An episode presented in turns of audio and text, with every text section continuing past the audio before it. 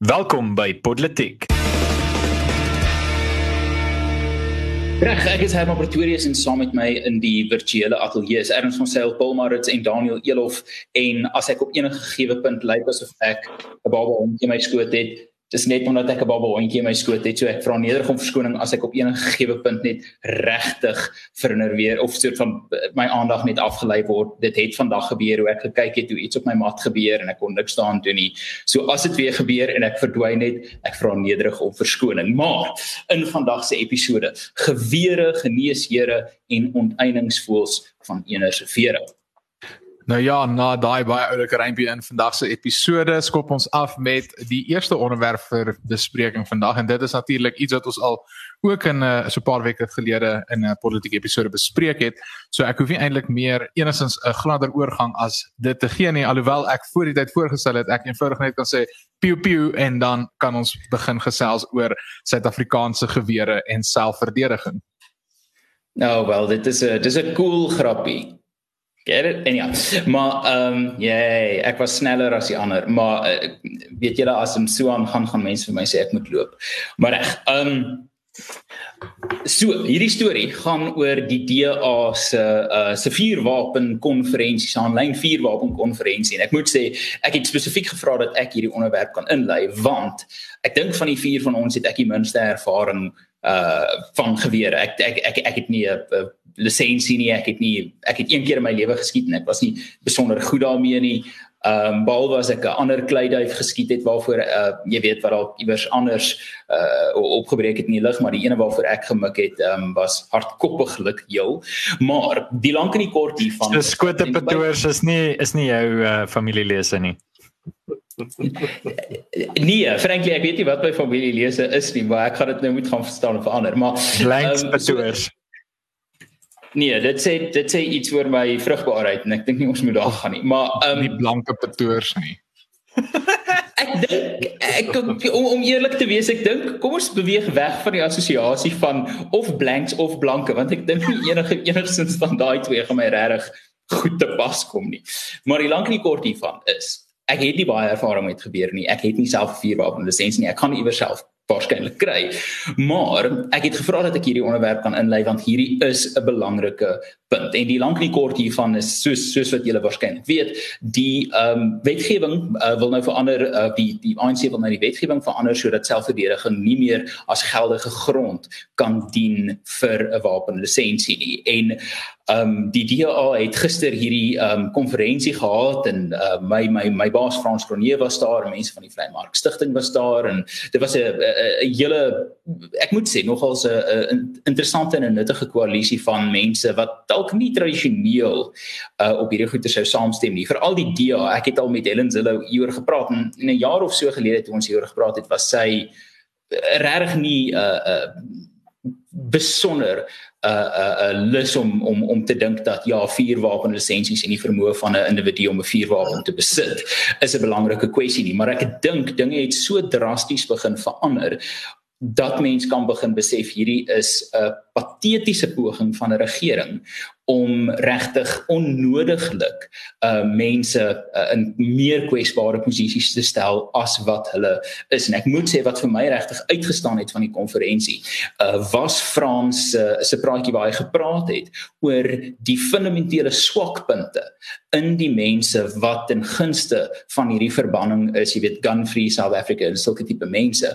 Basies is hulle argumente ongelooflik swak. En die data waarop hulle berus is ongelooflik bevraagtekeningswaardig. Metodologies het hulle om die argument te maak dat die 2000 wetgewing 'n verskil gemaak het aan uh, vuurwapenmisdaad het hulle letterlik hierdie Frankenstein statistiek gaan bymekaar flans van verskillende bronne met verskillende metodologieë en dit om die punt te maak dat hierdie hierdie wetgewing gewerk het. En om af te sluit, dit is duidelik dit het nie gewerk nie. Ek het nou die dag na die die twee voor uh, voorbeelde gaan kyk wat altyd deur ehm um, jy weet die die mense wat teen vuurwapen besit is aangevoer word as die voorbeelde van goeie wapenbeheer. Uh die Verenigde Koninkryk en Australië. En die interessante ding is as jy gaan kyk na die verskeie punte waar hulle wapenbeheer wetgewing toegepas het, het dit regtig nie veel van 'n effek gehad nie. En ek en Daniel het al hieroor gesels oor die feit dat jou reg tot gewelddadige vermoëns moet proporsioneel wees teenoor die geweld of situasie wat jy in self in die gesig staar. En in Suid-Afrika is dit nogals uitsonderlik. Maar ja, ek dink ek het my sê gesê, ehm um, Daniel, jy jy mag dalk meer insiggewende uh, kommentaar hê as my uh langdradige inleiding. Wel wat ek al wat ek kan sê is dat uh, Louis Lamour die die ou cowboy skrywer het sê het, het van sy boeke gesê ek het groot geword met hierdie my pa het die hele reeks versamelinge letterlik honderde en honderde Louis Lamour boeke En uh Louis Lamour sê altyd if if guns were outlawed only outlaws would have guns en ek dink dis dis 'n baie mooi beskrywing van presies wat in Suid-Afrika op die ouende gaan gebeur is hierdie hierdie hele wysiging van die van die wetgewing is maar eenvoudig gaan net daarop neerkom dat wetsgehoorsame mense gaan nie vuurwapens kan hê nie en die mense wat in elk geval aan die, die wet gehoorsaam nie gaan nog steeds aanhou om onwettige vuurwapens te hê. Ek het ek het dit so ruk terug op sosiale media ook genoem. Is mense kry uh, basies net drie kategorieë mense in, in hierdie geval. Ehm uh, daar's mense wat sê mens skryf video maar ek sal naby uitkom hoekom ek dink daai video bestaan nie. Die eerste ene is mense kry mense wat wettige vuurwapens het en dit wettig gebruik. Mense kry mense wat onwettige vuurwapens het en dit wettig gebruik en dan kry mens ah, wel nee, nie onwettige vuurwapens se wettig gebruik want jy kan nie onwettige vuurwapen so gebruik nie. So kom ons begin oor. Mense met wettige vuurwapens wat dit wettig gebruik. Mense wat ehm um, wettige vuurwapens onwettig gebruik en dan mense wat onwettige vuurwapens onwettig gebruik. En al wat hierdie wetgewing doen is dit uh, penaliseer die eerste kategorie. Die enigste mense wat beide goed op 'n wettige wyse hanteer. Dis dis so eenvoudig soos dit. Maar ons het al in 'n hele paar episode hierdie bespreek. Ehm um, ek ons sien verskeie organisasies is in elk geval besig om hierdie te veg en dis bemoedigend en is goed om te sien dat mense so hande vat oor hierdie spesifieke punt. Ek wil 'n interessante ander storie hierby aanhak. Ag aanhak wat gaan oor die hele vuurwapen debat. Uh wat natuurlik baie interessant is is dat binne die ANC is hierdie nie 'n klinkklare gedane saak nie. Daar's verskeie mense binne die ANC wat ook verskriklik ongelukkig is met hierdie voorgestelde wysiging. Mense dink byvoorbeeld spesifiek aan baie van die geleedere binne die MK uh van van Nkuthu van die ANC wat nie tevrede is met die ANC se se wysigingsvoorstel nie. En dan 'n uh, tweede storie wat daarbey aanhak is natuurlik dat voor 1994 het die ANC het die nasionale regering, nasionale party regering vir die ANC gesê, "Wel goed, hier is ons verskeie vuurwapens wat julle het en daar gaan 'n tipe van 'n amnestie wees dat hulle daai vuurwapens kan behou." So die ANC self is 'n politieke party wat letterlik honderde vuurwapens op die oomblik binne hulle toeliehuis aanhou en daai vuurwapens word in en uitgeteken deur van hulle lede. Dis dis hierdie is nie net hierdie is nie iets wat ek net uit my duim uit sê, hierdie is iets wat werklik gebeur en ons is nou juist besig namens Afriforum om 'n baie versoekie hoor terug want dis is dit is dit wat Zuma bedoel het met bring my my masjiengeweer in die sin dat check hom uit uit die uit die uit die geweer biblioteek. Dit was dit was 'n Dit was 'n administrasie liedjie, ek dit nie besef. Ja, natuurlik, natuurlik. So die, die, die punt is daar's daar's soveel lae in hierdie debat en en soveel verskillende uh, goed om te bespreek dat dit ek dink hierdie gaan net eenvoudig gebeur en die ANC gaan dit deurdruk nie, want ek dink die burgery en en klomp organisasies is besig om goed en stewig standpunt in te neem en omdat selfs binne die ANC dink ek het hulle nie die nodige steun om dit eenvoudig net deur te druk nie. So ek ervaar dat ek toenemend en sedert ek eh, kom ons sê ek, ek weet ons het op 'n stadium se jaar of twee terug was daar die populêre term red pill of wat wat jy nou 'n soort van eh, wakker word oor dit wat om jou aangaan met verwysing na die matrix fliek en so aan. Ehm um, ek was eintlik redelik nog altyd wantrouig van van die groter ANC. Ek dink ek het 'n politieke bewustheid gekry. Hm. Paul, ja? gaan jy nou uit die medisyne kassie uitklim en sê jy is ook gered Paul? Nee nee, ek gaan sê ek is een van daai gelukkige ouens wat dit nie nodig gehad het nie. Ek het redelik konservatief groot geword en nie konservatief is die verkeerde woord in hierdie geval. Ek het konservatief groot geword, maar ek bedoel meer ek het groot geword um nie met hierdie illusie van jy weet wat die ANC is of die nuwe Suid-Afrika is nie. So um maar kom ons stel dit so. Ek was graad 10 uh, en baie van julle was was naby aan daai selfde tipe tyd toe Zuma oorgeneem het.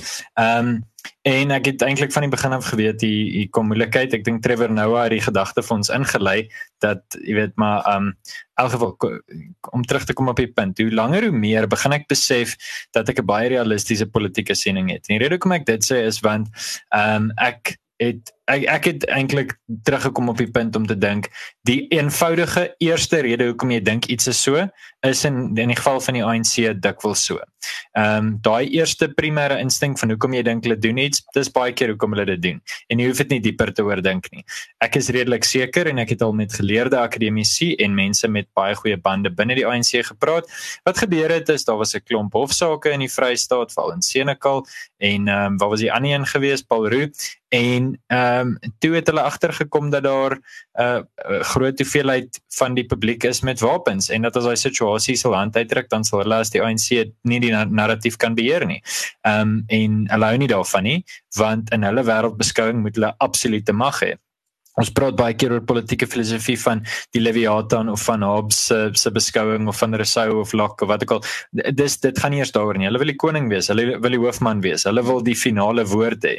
En as almal van ons 'n magasyn vol ehm um, vol patrone het en as almal van ons 'n geweerkluis vol wapens het, is dit aansienlik moeiliker vir hulle om die groot koning en die chief van die land te wees. Amerika het op die harde manier geleer waarom dit belangrik is om daai geweer in jou kluis te hê, want hulle het 'n Britse koning gehad wat hulle aktief wou onderdruk en dit twee keer probeer doen het in in in die 1770s en weer in die 1810s. So effektief uh jy weet ons ek hoop nie ons hoef daai les op 'n manier te leer nie maar dit is so eenvoudig soos dit die ANC wil ons ontwapen dit is alwaaroor dit gaan kom ons kom ons krap nie die ding uit verband uit nie dis waaroor dit gaan dit is nie een of ander hiper ideologiese ja maar het het moet jy regtig 'n wapen nee Hulle dink ook jy met 'n wapen hê. Hulle hou net nie daarvan dat mense wat nie met hulle saamstem nie wapens het nie. So dis vir my super eenvoudig. Ons kan super diep gaan krap, maar vir my lê daar. Men mens kan dit ook terugvat na die ontbanning van die komandostelsel toe Terror Lekota 'n uh, 'n uh, minister van ek dink polisie was. So hierdie storie presies Paulus wat jy sê kom al 'n lang tyd. Sorry Ernst. Dit sê 96. Nou is dit 96, nee. Ek dink 99 bietjie later. Ek wil net ook al inspring om te sê partykeer is dit nie net dat jy moet net wat die eerste gevoel is oor wat die ANC doen vertrou nie. Partykeer moet jy sommer net wat die ANC vir jou sê vertrou. Met ander woorde sê ons gaan die grond vat. Glo hulle, dis eintlik redelik eenvoudig. Ja. Uh nee Daniel, ek het 'n uh, ek het 'n meningsstuk gelees deur uh deur op netwerk 24 wat my gesê het hierdie is eintlik wat so Ramaphosa bedoel het toe hy gesê het ons wil al julle grond vat en uh vir julle geen eiendomsreg gee nie, maar ehm um, ek dink majestueus Dis maar wat is. So ek het al voorheen op politiek dit gesê maar daar's 'n baie maklike toets wat jy kan doen as die ANC beleid voorstel en jy sukkel nog steeds bietjie om agter te kom maar hoekom sal hulle dit doen? Dit maak nie sin nie. Dit is irrasioneel. Wat gaan nie aan? Vra vir jouself 'n baie eenvoudige vraag. Gaan hierdie beleid die die regering se mag vermeerder of verminder?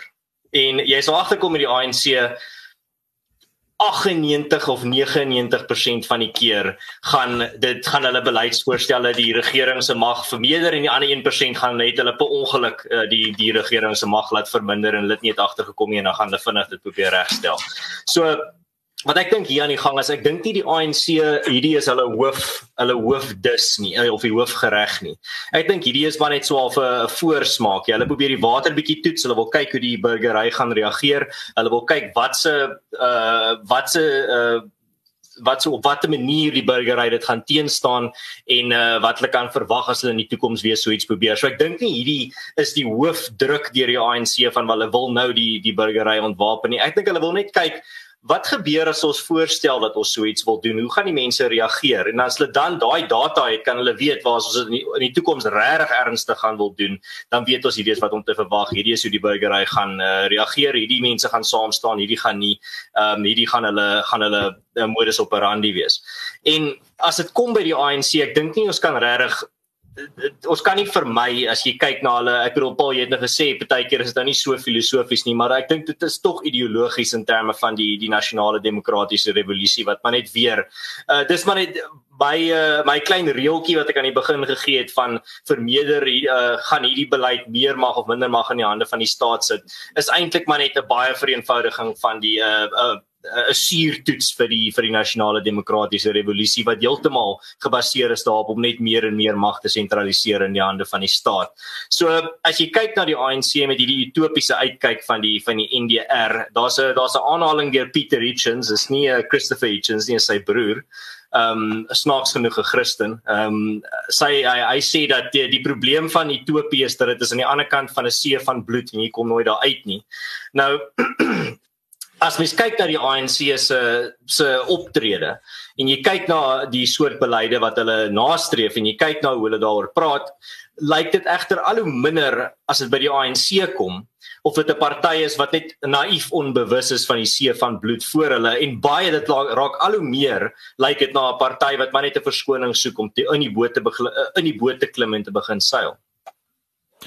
Nou, erns as ons op daai punt dalk uh, kan oorgaan na 'n ander deel van die Suid-Afrikaanse samelewing waar die regering al reeds nogals redelik baie mag gesentreer het en vir hulself gegryp het, uh, is dit natuurlik hoe die regering met ons land se mediese praktisyns uh te werk gaan. En vir my is hierdie nogals eintlik 'n baie persoonlike onderwerp en ek sê ons kan dit vandag bespreek want ek sien al die afgelope 3 jaar deur hierdie hele proses wat soveel ander honderde mediese studente en uh, uh interne uh, interns. Ek weet nie wat so 'n mooi woord in Afrikaans vir uh, intern mediese intern ja semi mediese uh, interns ja. ja maar waar deur hulle gegaan het nie en dis dis natuurlik oor dat jy nadat jy jou MBCAB geswat het by 'n Suid-Afrikaanse universiteit verplig word om uh, dan van jou tyd en jou arbeid te gee aan die Suid-Afrikaanse regering. Wie weet hoekom? Hulle dink van 'n seker net eenvoudig hulle is geregtig daarop want hulle is die regering. Maar nou ja, uh, ons sit nou nog steeds met hierdie situasie en Paul, julle is hierdie afgelope week nogals bedrywig en besig met klomp van die mediese studente wat regtig maar eintlik net hierson rondwag sodat hulle op die ouende kan werk. Ja, net uh, voor Paul uh, begin wil ek net vir ons uh, luisteraars sê as julle luister en julle kan nie sien wat op die op die skerm aan die gang is nie. Herman's besig om daar te sit soos die ANC met die Suid-Afrikaanse Kommunistiese Party op met uh, as hulle skootontjie en dit is wat dis baie oulik om te sien. Ek dink jy dit verkeerd om. Ek dink die ehm um, dis nie ek ek sien altyd seker watter een is die skoothond nie, maar hierdie is Caspar, hy swart, hy is ons skoot af vir vandag. Sjoe. Okay.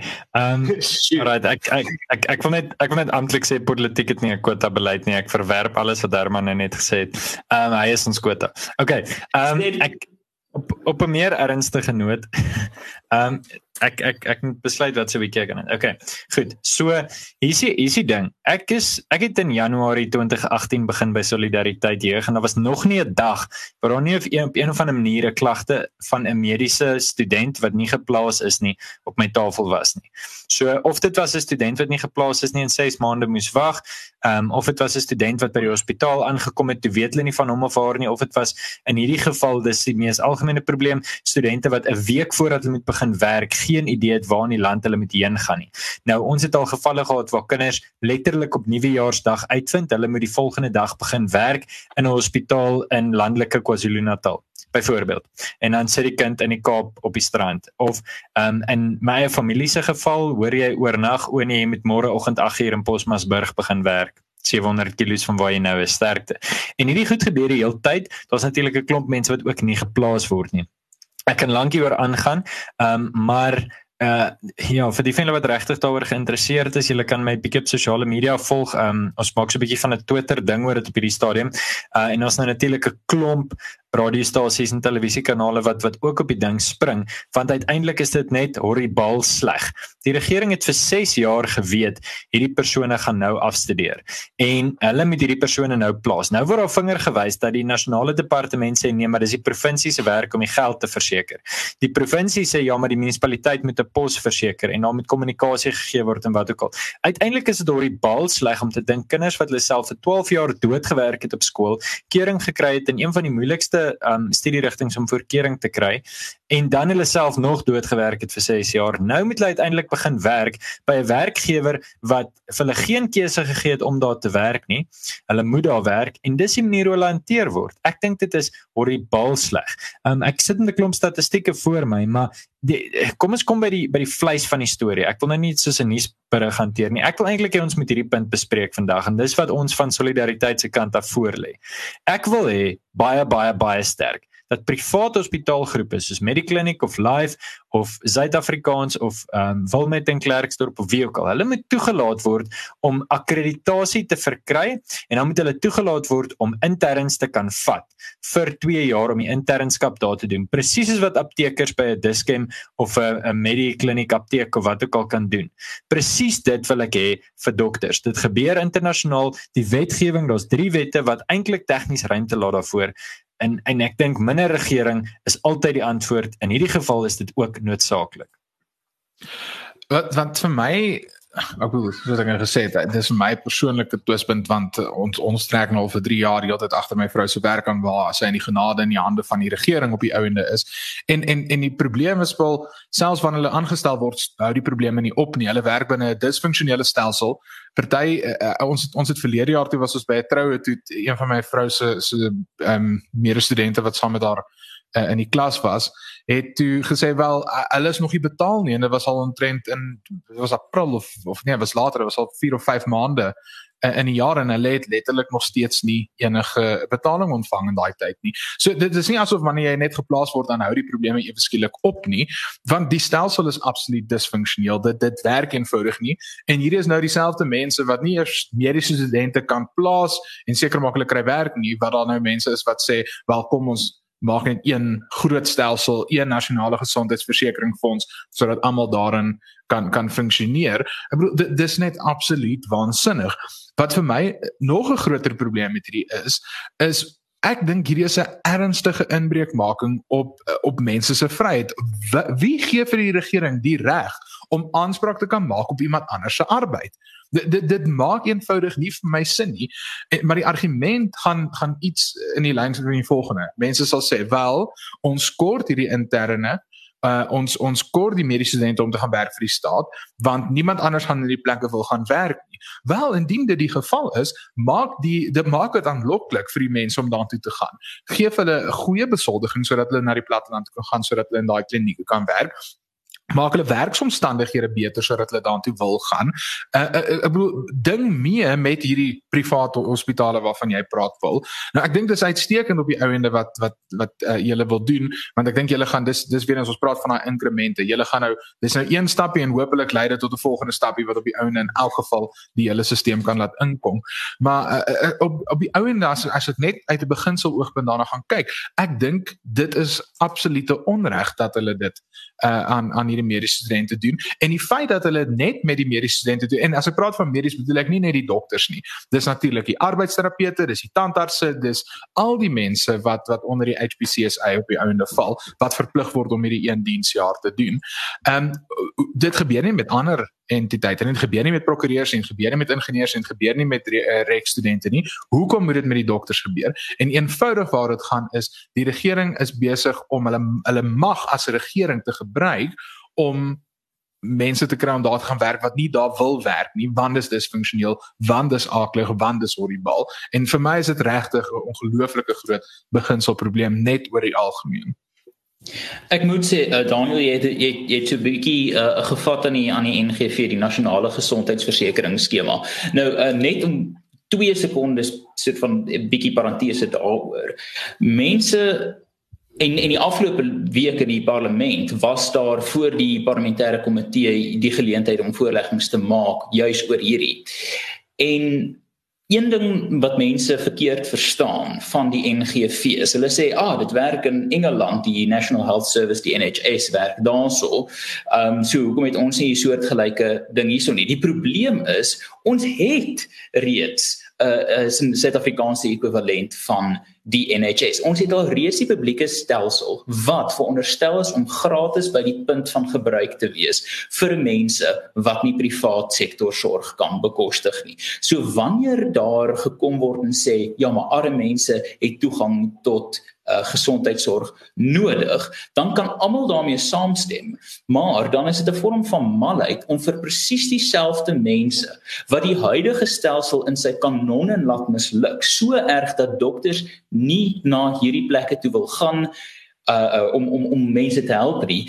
Verstaan dit is wat die NGV dan doen is dit dit verstaan dis nie iets nuuts nie. Dit is 'n herhaling, net 'n duurder herhaling van katastrofes wat ons reeds sien. Die tweede punt wat ek wil maak is ek dink Paulus sterkte vir julle inisiatief en ek hoop regtig dit werk. Maar my frustrasie is dat baie van die privaat sektor entiteite is hand om die blaas met die regering op hierdie tipe goederes. Ons het dit gesien met die mynbou sektor uh, 10, 15 jaar gelede. Ons het dit amper gesien met die landbou sektor. Ek bedoel, uh, um, uh, daar daar's nog steeds regtig 'n uh, uh, swak ruggraatloosheid onder uh, jou agbiz organisasies. Ehm um, as dit kom by onteiening sonder vergoeding. Mense dink dat hulle kan die regering manipuleer as hulle of hulle kan die regering van 'n slegte idee na 'n pragmatiese idee lei waaruit hulle dan voordeel kan trek. Ek het 'n sterk vermoede dit is hoekom entiteite soos Discovery nog nie 'n negatiewe woord gesê het om werklik die NGV en die gevaar wat dit het, het vir die privaat sektor uh um hulle kliënte oor in te lig nie want ek dink daar is hierdie idee van weet jy ek kan hierdie tender kry dit gaan tot my voordeel wees so ek hoop die privaat sektor entiteite speel bal en as hulle nie doen nie hoop ek julle kan die algemene kliëntebasis van hierdie entiteite oortuig om 'n bietjie druk toe te pas die laaste ding wat ek wel moet sê ook hier is Hierdie is nie net 'n mislukking van die regering vir hierdie jong dokters nie. Hierdie is 'n regering wat sê hulle probeer um arm swart mense ophef.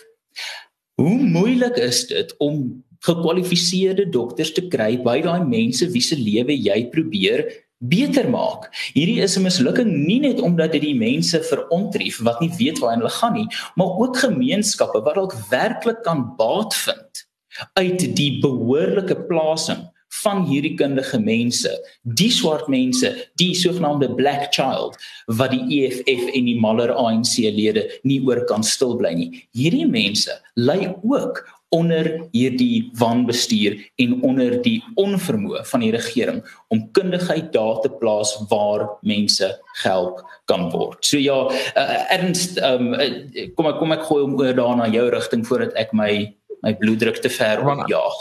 As ek dalk net vinnig daar daar kan kan inchip. Ehm um, net oor die punt oor oor die die private entiteite wat hand om die blaas met die regering in hierdie opsigte staan. Ehm um, jy jy het voorheen al gepraat en op politiek verwys na uh, uh, wat Winston Churchill gedoen het in ten tye van die Tweede Wêreldoorlog hy mense van die oppositie afgekry het om saam op sy oorlogskabinet te dien. En en op die einde hy het dit op 'n positiewe manier probeer doen om mense aanspreeklik te kan hou en verantwoordelik te kan hou en en te betrek by uh, hierdie tyd van 'n krisis. Maar op 'n manier is dit wat die ANC ook doen in in Suid-Afrika is om die private sektor net net genoeg te kan betrek sodat jy kan sê vir ons het met hulle gekonsulteer. Ons het met die private sektor gepraat. O, ons sien jy het verwys na die mynboubedryf en die landboubedryf met met onteiening sonder vergoeding. As ons net kyk na COVID, al hierdie mense, Adrian Gore van Discovery, al hierdie entiteite dien op hierdie raadgewende komitees van die ANC op COVID Ehm um, maar by die regering op die ouene doen is in elk geval net wat hulle wil, maar hulle kan sê maar toe maar ons het gepraat, ons het gekonsulteer, ons het die private sektor na die private sektor geluister. Maar op die ouende is dit net 'n manier om 'n uh, uh, uh, uh, eintlik maar net dit te sy stap. Hulle, hulle doen dit net net genoeg sodat daar nie invloed is nie, maar net genoeg sodat hulle kan sê wel kyk, ons het eintlik na die private sektor op die ouene geluister en die private sektor het nie die guts om verder as dit enigiets te sê. Die die sektor gee hom uit as 'n toffie.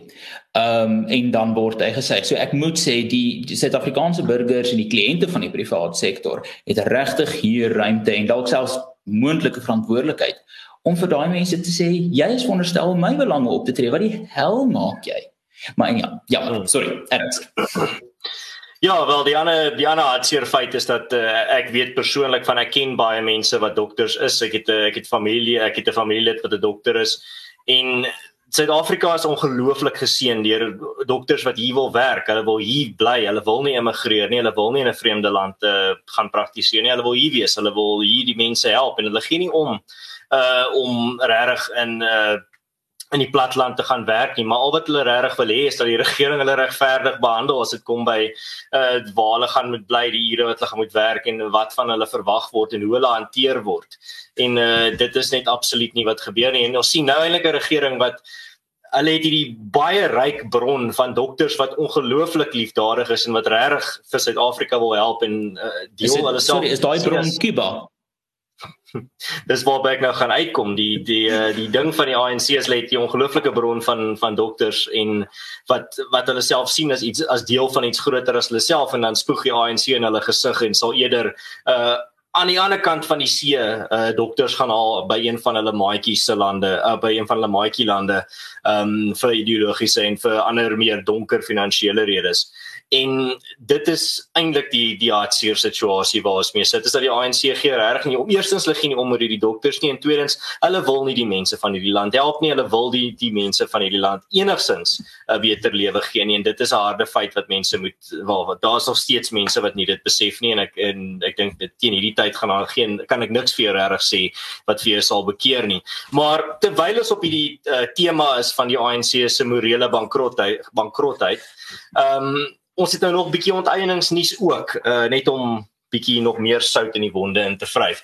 So ons het nou hierdie week gehoor dat die ANC lyk my neig nou baie meer uh, na die EFF se kant toe as dit kom by die die wysiging van die grondwet en veral oor die saak van die voog uh, voogdyskap van uh, die staat oor grond. So dit beteken dat die staat nasionaliseer alle grond in die land en dan kan jy nou grond by die staat leen op 'n 50 jaar kontrak of 'n 20 jaar kontrak of 'n 99 jaar kontrak, maar jy gaan nie die grond besit waarop jy boer nie. En soos ons nou al gesien het in terme van die ANC beleid, hierdie gaan nie net uh, beperk wees tot landbougrond nie, hierdie gaan beperk wees tot jou huis in die stad, jou huis in die dorp, maak nie saak nie, dit gaan tot jou eiendom ook uh strek. Dit gaan nie net landbougrond wees nie en um enige iemand in Suid-Afrika wat uh wat die ANC nog steeds goed praat in hierdie uh, in hierdie verband moet die eerstes wees om hulle grond op te gee en uh dit is maar die die feit wat hoe ek dit sal sien gebeur. Maar In terme van hierdie daar's 'n interessante ding hier. So net om weer te wys hoe 'n absolute leenaar ons president is. Uh die 3de Junie het uh, so Ramaphosa was hy geondervra oor hierdie oor hierdie feit oor gaan die ANC regtig um uh voogdyskap uh, uh, vir die staat oor grond uh, wil gee. En uh, Ramaphosa het gesê uh, toe hy daaroor uitgevra was, het hy gesê dat dit is glad nie wat die ANC gaan doen nie. Daar moet geen bekommernis wees nie. Die ANC het geen planne om alle grond te nasionaliseer uh of uh die voogte wees die eh, die voogdyskap daarvoor vir die staat te gee nie. En dit is in dieselfde maand wat ons nou weer gehoor het. Nee, wel die ANC het nou besluit hulle dink hulle gaan nou maar saam met die EFF staan daarvoor. So ek dink regtig nie uh dit is nie ek wat oordryf as ek sê dat hierdie is net weer een van Cyril Ramaphosa se vele leuns nie. En uh ek dink nie enigiemand uh, moet enigsins vir hom meer verskonings maak nie. As jy nog doen, moet jy regtig vir jouself skaam voel. Kyk die hierdie ding is nou het ons nou tot vervelings toe bespreek rondom einde sonder vergoeding letterlik al vir die hele 3 bestaanjare van politiek uh bespreek ons elke kort kort onteiening sonder vergoeding. So ek gaan op 'n meer fynere punt uh, vandag my fokus en en dalk dit my kort insetsel lewer. Ek sien nou klaar as mense wat sê ja, maar gaan kyk na hierdie bewoording wat wat nou voorgestel is en dit sê nie die staat gaan die voog wees van alle grond nie. Dit sê waar dit van toepassing is en nodig gaan wees en en wat ook al. Nou die die probleem daarmee is jy moet gemaklik wees met die mag wat jy vir die staat gee. Dat tot jou grootste aardsvyand in mag kan wees. En jy's gemaklik met die hoeveelheid mag wat jy aan daai regering gegee het. Ons sit toevallig met 'n situasie waar amper die die mees horribale horribale en en slegste regering waarna ons kan dink wel aan bewind is. Maar jy jy kan nie dink in hierdie ideale terme van wel goed in die regte hande gaan hierdie dalk goed wees nie. Jy dit dis dis nie dis nie hoe ehm um, uh, dis nie hoe jy wetgewing moet benader nie. Die die hele doel van wetgewing en ek het vandag baie oulike artikel daar gelees wat praat oor wat is die rol van van 'n hof spesifiek. En en die rol van 'n hof is juis om antidemokraties eintlik te wees. Die rol van hof is om sover as moontlik die mag van 'n regering te beperk, want dit is die funksie van van 'n hof. Hy hy hy is nie daar om die wette verder in die mag van die regering verder uit te brei nie. En dieselfde beginsel geld hierso. Op 'n manier moet ons die mag van die regering sover as moontlik beperk. Dat selfs die grootste aakligste 'n uh, 'n uh, uh, entiteit wat ons aan kan dink wat in beheer is, dit nie kan misbruik nie. Maar ongelukkig is die voorstel om uh, die staat as voog van alle grond aan te stel uh jy daai jy's 'n situasie wat dit absoluut op die ouende misbruik kan word. Ja, uh Daniel, miskien net om 'n vinnige kommentaar daar te lewer in terme van die die die howe die howe moet partykeer uh antidemokraties wees want as die as 9 uit die 10 uh bewoners van 'n dorpie besluit maar ons gaan die 1 uit 10 uh 1 uit 10 wat uh, nie vir ons gestem het nie gaan ons nou sy huis vat dan moet die hof in uh, in kan stap en sê nee dis nie reg wat julle hier gaan doen nie.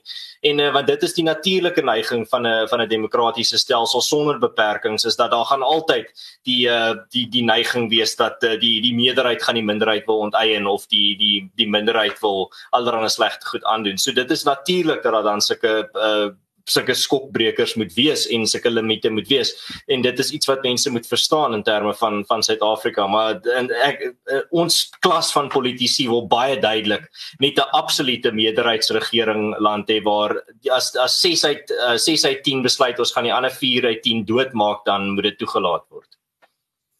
So baie vinnig vir my of ek dink ons episode gaan al lekker lank en dis eintlik drie swaargewig temas wat 'n mens elkeen op sy eie vir 40 minute kan bespreek.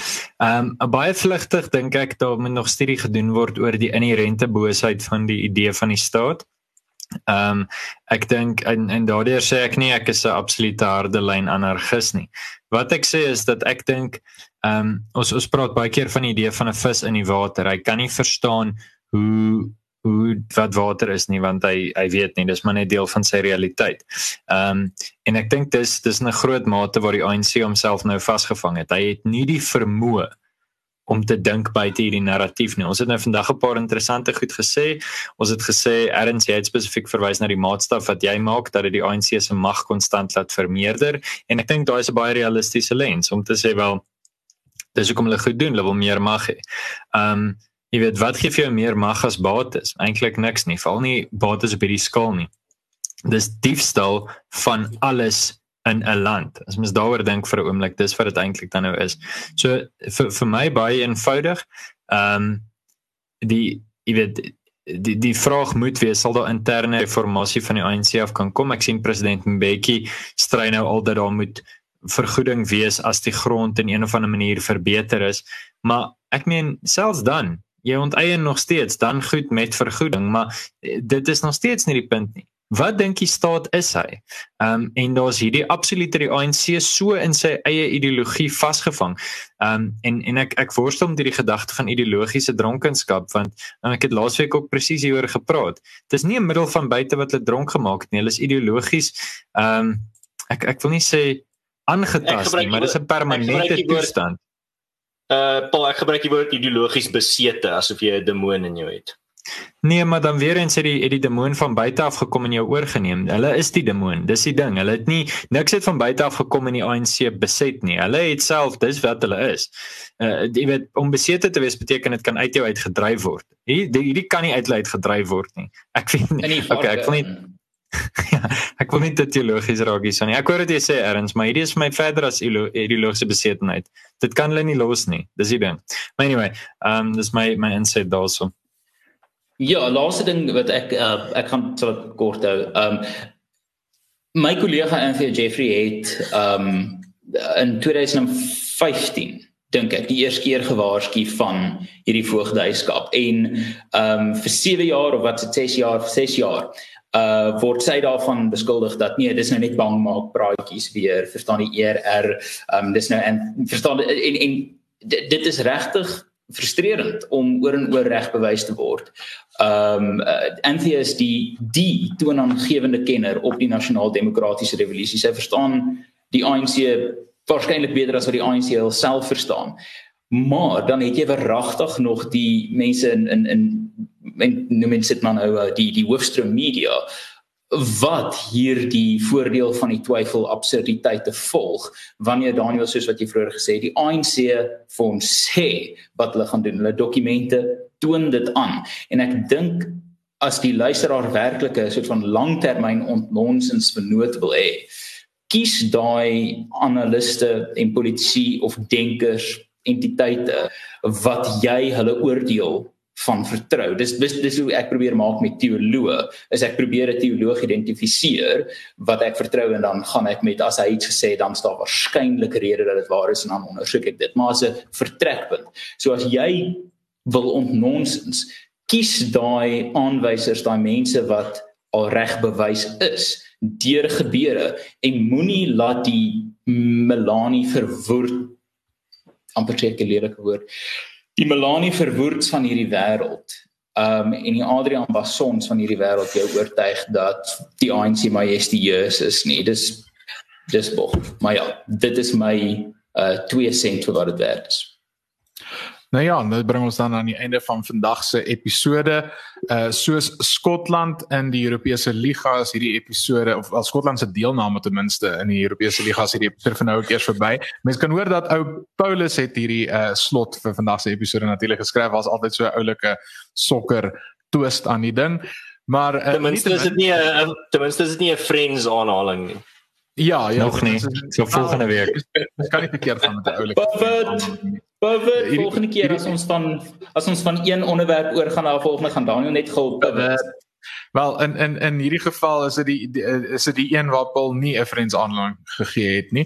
Maar nou ja, uh, ons nooi as luisteraar uit om self ook te ontnonsens. Dankie vir almal wat deelgeneem het aan die gesprek en die regstreekse kommentaar. Los vir ons asseblief 'n resensie met jou klagtes en gedagtes waar ook al jy elke week jou klein bietjie politiek ontnonsens kry. Jy kan ook natuurlik vir politiek ondersteun deur vir ons 'n koffie te koop. Sluit ook aan by ons Telegram groep. Ons is lekker aktief en bedrywig daar en daar kan jy ook meer direk met ons vier aanbieders gesels. Maak gerus met ons kontak indien jy jou besigheid op politiek wil bemark. Ons help jou graag en natuurlik sien ons jou dan weer volgende week.